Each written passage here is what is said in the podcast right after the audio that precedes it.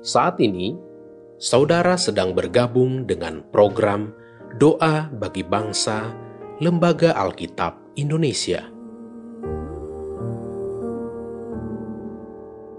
Doakan, wartakan, donasikan melalui li.nk.tr.ee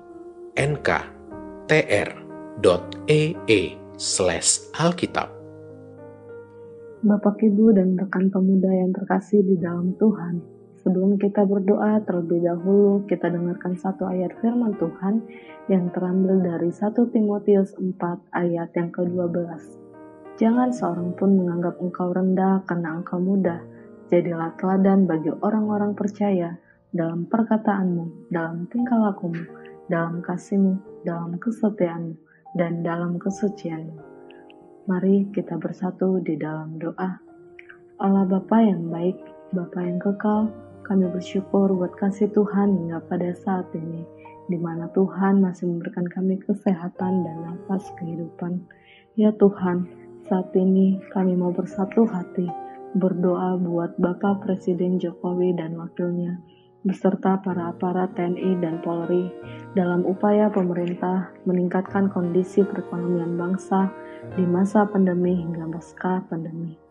Kiranya Tuhan yang memberkati segala rencana dan upaya yang dilakukan, Tuhan juga memberikan roh hikmat dan kebijaksanaan kepada para pemerintah. Berkati juga ya Tuhan buat kesehatan bangsa kami ini.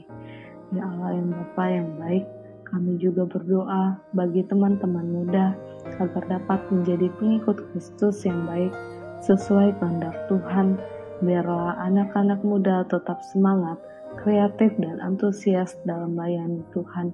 Kiranya anak-anak muda tidak terkontaminasi dengan isu-isu hoax ya Tuhan, menjadi anak muda yang bijaksana.